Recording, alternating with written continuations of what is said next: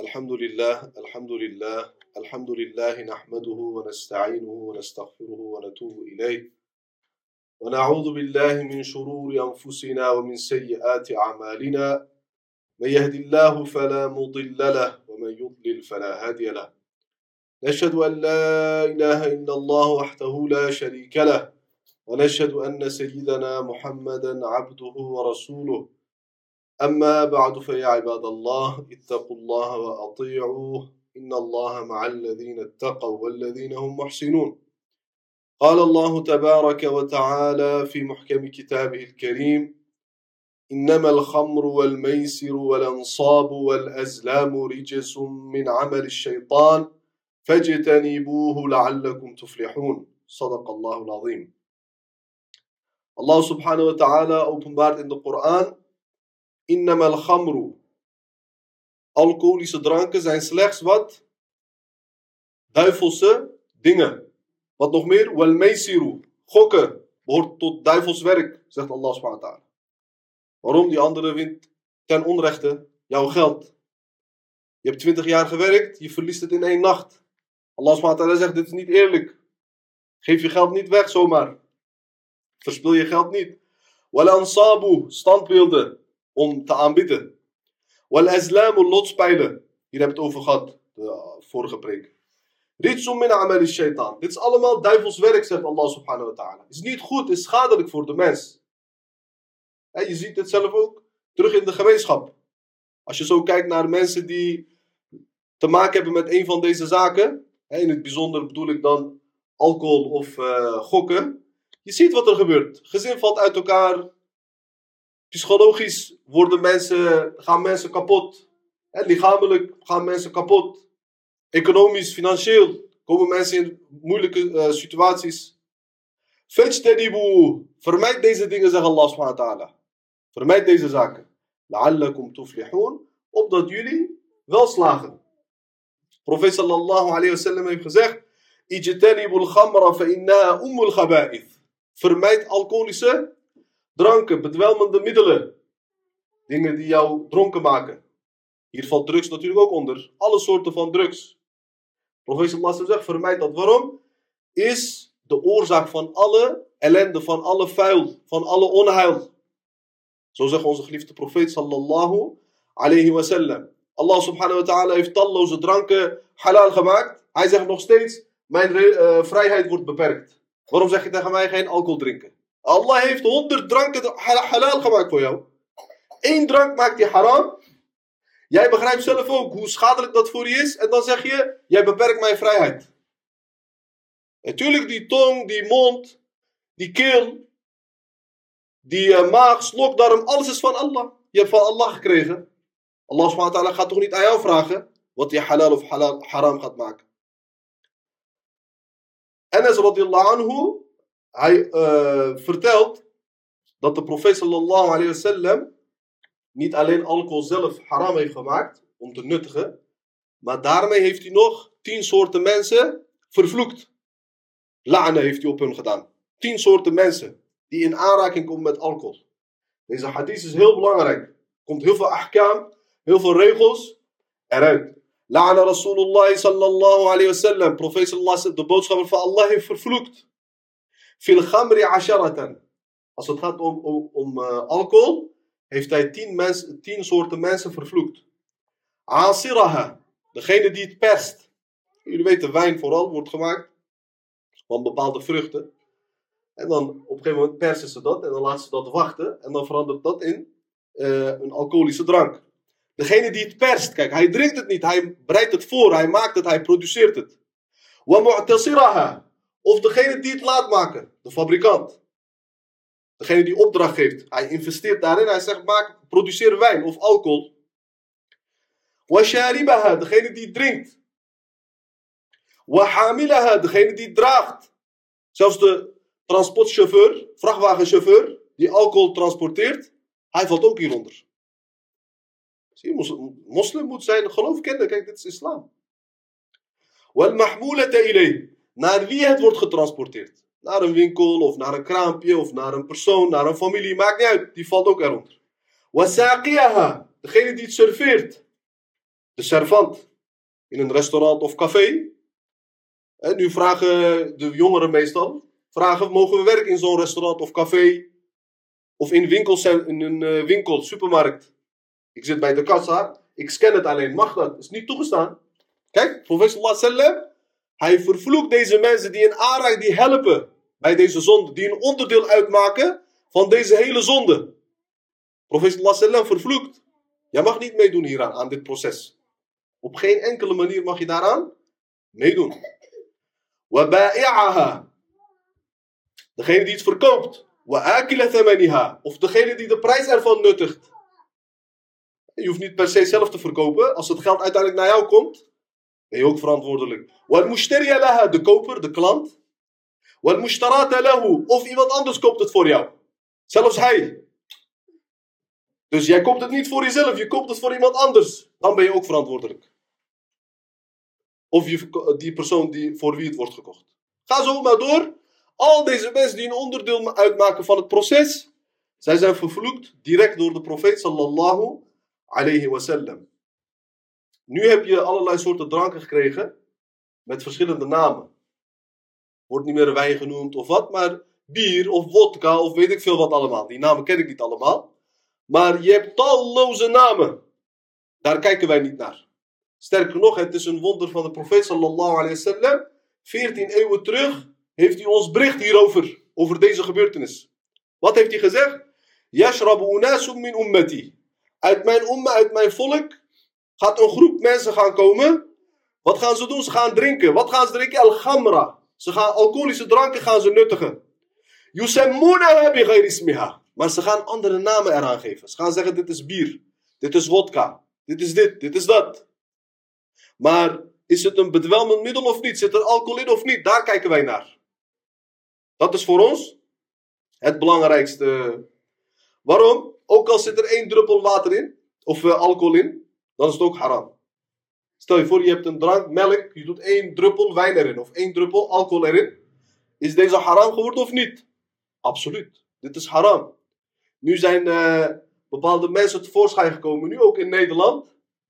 Om, in de naam van de islam geven ze daar fatwa voor. Ze doen religieuze uitspraken. Ongegrond, zonder kennis, hebben geen gestudeerd. Blijkbaar. Wat zeggen ze? Als je er geen, niet dronken van wordt, mag je het wel drinken, zeggen ze.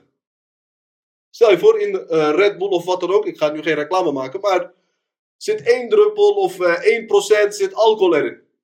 Nou, als je die nu drinkt, word je dronken? Nee. Dus hij zegt, dan mag je deze nuttigen.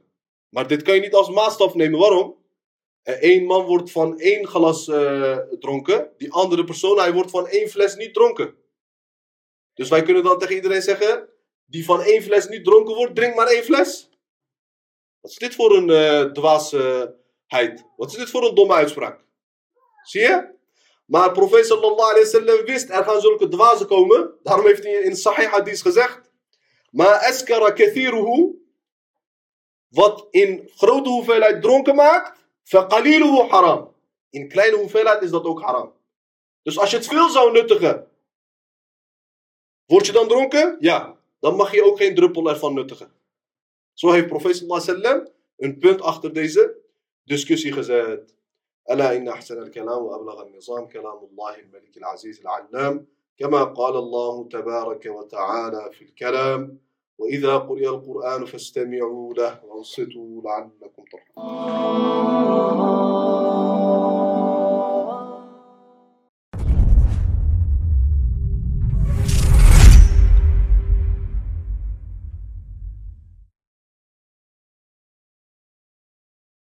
الحمد لله الحمد لله الحمد لله نحمده ونستعينه ونستغفره ونتوب إليه. ونعوذ بالله من شرور أنفسنا ومن سيئات أعمالنا. من يهد الله فلا مضل له ومن يضلل فلا هادي له. نشهد أن لا إله إلا الله وحده لا شريك له. ونشهد أن سيدنا محمدا عبده ورسوله. أما بعد فيا عباد الله اتقوا الله وأطيعوه. إن الله مع الذين اتقوا والذين هم محسنون. قال الله تبارك وتعالى في محكم كتابه الكريم الذين يتبعون الرسول النبي الأمي الذي يجدونه مكتوبا عندهم في التوراة والإنجيل يأمرهم بالمعروف وينهاهم عن المنكر ويحل لهم الطيبات ويحرم عليهم الخبائث. صدق الله العظيم. Allah subhanahu wa ta'ala openbaart in de Koran: Alladhina al Rasoul. Degene die de boodschapper volgen. De moslims dus. Welke boodschapper is dit? En Nabi al-Ummi. De analfabete profeet. De profeet die niet kan lezen, niet kan schrijven. Hij is analfabeet. Dat was normaal in die tijd onder de Arabieren. Hun erfgoed was voornamelijk gebaseerd op wat? Op hun borsten, op hun onthoudingsvermogen. En niet op het geschrift, op het schrift, op het schrijven. Daarom waren er heel weinig mensen onder de Arabieren die konden lezen en schrijven. Maar dit is ook een wonder van de profeet, sallallahu alayhi wasallam. Waarom? Hij heeft zo'n wijsvol boek gekregen Zulke wijze openbaring heeft hij gekregen. Van waar heeft hij dit gelezen of gehoord? Hij kan niet lezen, hij kan niet schrijven. Hij heeft nooit bij iemand gestudeerd of een opleiding genoten. Mensen die nu opleiding genieten, ze studeren jarenlang. Ze worden professor, hoogleraar. En ze kunnen niet zo'n boek brengen. Als de Koran. Zie dit is wonder van profeet Dit is geen tekortkoming, geen minpunt. Integendeel, het is een wonder, een pluspunt van de profeet. Sallallahu alayhi. Anders zouden mensen zeggen, kijk, hij kan lezen en schrijven. Wie weet van waar hij die kennis heeft. Zo zouden ze anders zeggen. Dat zegt ook Allah SWT in andere versen. Dus deze profeet, analfabeet, hij is ummi. Ummi komt van het woord um, dus moeder. Net alsof je nieuw bent geboren van je moeder, zo zuiver ben je. Je bent niet beïnvloed door andere mensen, leraren of wat dan ook. hoe maktuban. Zij kunnen deze profeet vinden, geschreven kunnen ze hem vinden. Waar? Bij hun. In de Torah en in de Evangelie. Dus in de openbaringen die Joden en christenen in omloop hadden, daar konden ze de naam van profeet sallallahu in verschillende namen, Farakliet, andere namen, nu nog steeds. Zijn wetenschappelijke onderzoeken hierover. In Barnabas evangelie bijvoorbeeld is ook de naam van de profeet sallallahu getroffen. Allah zegt ook in een ander vers. Ismuhu Ahmed. Hij wordt genoemd Ahmed. Faraklit van Grieks is precies het vertaalwoord voor Ahmed, Farakliet, komt voor in oude geschriften van Joden en christenen. Tuurlijk, zij wisten dat. Zelfs Joden wisten, kenden de profeet sallallahu alaihi wasallam beter dan hun eigen zonen. Zo zegt Allah in de Koran, wa ta'ala. Waarom? Ze hebben al die beschrijvingen hebben ze gekregen in hun geschriften, in hun openbaringen. Ya'murhum bil ma'roof. Wat doet deze profeet? Sallallahu alayhi wasallam. Hij draagt hen het goed op. Wa. En hij verbiedt hen anil munkar, het slechte. Kijk, dit zijn de eigenschappen van de profeet sallallahu alayhi wasallam. Hij maakt schone dingen halal. Koeienvlees, schapenvlees, vruchten, fruit, brood. Dingen die uit de grond komen. Hij heeft dat halal gemaakt voor ons. Profeet sallallahu alayhi leert ons dat dat halal is. En hij maakt Gabaith, dus vuile dingen, onreine dingen, maakt hij haram voor zijn umma, voor de moslims. Hij leert hen dat varkensvlees haram is, alcohol is haram. Bepaalde dieren, die zijn haram. En in de uiteenzetting van dit vers gaan wij het kort hebben over, als vervolg van de afgelopen preken, gaan we het hebben over welke dieren zijn nog meer verboden om te nuttigen. Laten we beginnen met een dier waar meningsverschil over is. Hagedis. Dab, dab. In het Arabisch noem je dat dab. Aisha radiyallahu anha zegt. De Nabi sallallahu alayhi wa sallam uhdiya lahu dabbun. Hij kreeg uh, dab, hagedis als cadeau. Femtana aan ekli. Hij at niet, sallallahu alayhi wa sallam. Maar betekent dit dat het meteen haram is? Nee. Sommige geleerden hebben gezegd is makroeh, maar overtreffende meerderheid van de geleerden, zij zeggen is halal. Waarom? Omdat er een overlevering is, ook in Sahih Muslim en andere hadith compilaties. Dat uh, Khalid ibn Walid heeft gezegd, wij waren bij een maaltijd en er was een gebraden hagedis. En hagedissen zien er niet goed uit, boort tot reptielen, ziet er niet zo aantrekkelijk uit. Dus profeet sallallahu alaihi wasallam, hij at niet. Toen zei Khalid ibn Walid, ja Rasulallah, sallallahu alaihi wasallam, is dit haram, mogen wij dit niet eten? Profeet sallallahu alaihi wasallam zei, nee, is niet haram. Ik maak het niet haram voor jullie. Maar in mijn traditie van Mekka, in mijn gewoonte, hebben wij, eten wij geen hagedissen. En dus het past niet bij mijn smaak. Daarom profeet sallallahu had hoge smaak. Hij had een hoge smaak. Hij at niet alles. Sallallahu alaihi wasallam. Omdat hij een eh, nobel karakter is. Dus eh, hij eh, ont- onthield, zichzelf, onthield zichzelf om van dit te eten. Maar Khalid ibn Walid zegt, ik at het. Profeet sallallahu zei, is halal. Ik vond het lekker hagedis. Dus hij zegt, ik viel het aan. Ik ging voor de ogen van de profeet, had ik het opgegeten, zegt hij. En hij zei er niks over. Zie dus het is halal, is niet haram. Alleen sommige geleerden, kleine minderheid, hebben dus aangegeven dat het makroe afgeraden zou zijn. Daarnaast hebben we dieren zoals, kijk, Allah, subhanahu zegt toch over de profeet sallallahu alaihi lahum at-tayyibat. Hij maakt schone dingen halal, wa yuharrimu alayhim al-khaba'ith. En vieze dingen, onreine dingen, maakt hij haram. Weet je hoeveel eh, regels, voorschriften hieruit voortvloeien? Eén zin, kijk, één zin, maar je kan boeken erover schrijven. Geleerden hebben dit helemaal uiteengezet. In de tafasir, in fiqhboeken is dit helemaal uit. Wat valt onder gabith en wat niet? Wat is tayyib, wat niet? Hebben ze uiteengezet. Ze hebben gezegd, egel, dit eh, behoort tot gabith, egel. Schildpad, rat, muis, kikker, slang, scorpioen, kever, kakkerlak. Dit zijn allemaal gaba'ith. Is verboden in de islam om te nuttigen. Woestijnrat, eh, diverse soorten reptielen. Hè, die zijn haram gemaakt eh, door de islamitische wetgeving. Kijk maar, in andere overlevering wordt gezegd: Dhukir al-Qunfuth. Qunfuth is egel. Egel, dat beest met eh, prikkels op, eh, op zijn lijf. Dhukir al-Qunfuth inda Rasulillah sallallahu alaihi wasallam. Er werd over egel gesproken. Mogen we nou egel eten of niet? Faqala, profeet sallallahu zei: Khabithatun min al-khaba'ith. Het is een onrein dier dat, to- dat tot onreine dieren behoort. Het is een onrein dier, kortom. Zo heeft profeet sallallahu gezegd. Daarom geleerden ze hebben, eh, met analogie, met qiyas, hebben ze vergeleken andere dieren, want niet alles is uitgelegd. Profeet sallallahu heeft niet één voor één elk dier opgenoemd. Je mag eten, je mag niet eten, je mag eten, je mag niet eten. Maar wat doen geleerden? De fuqaha hebben dat qiyas gedaan, qiyas. Vergelijken met elkaar. Oh, als egel niet mag, dan mag schildpad kikker ook niet. Waarom is ook gabith? Zie je? Zo hebben ze dat gedaan, hebben ze gezegd, is verboden om te nuttigen. In andere hadith, profeet sallallahu alayhi zegt, Gamsum min al Deze hadith is ook heel belangrijk, heel groot. Komt heel veel ahkam, heel veel regels komen eruit. Vijf dieren behoren tot wat? Fawasiq, meervoud van fasiqa. Be- Hiermee wordt bedoeld, dus agressief, bandeloos. Eh, bijvoorbeeld dieren die bijten of schadelijk zijn. Dat zijn het. Yuqtalla fil hilli wal haram. Deze dieren worden, maakt niet of je nou in haram bent in bij de Kaaba, want bij de Kaaba je mag niks doodmaken. Is haram. Je mag niet vlieg doodmaken. Omdat het is haram. Allah subhanahu wa ta'ala heeft daar vereerd, heeft daar een waarde aangegeven. Maar profeet sallallahu alaihi zegt, deze vijf dingen zijn uitgezonderd. Die mag je overal, als je ziet, mag je doodmaken. Indien ze gevaarlijk zijn. Als het tot fawasik behoort. Welke vijf dingen zijn dit? El-Ghurab, kraaien bijvoorbeeld.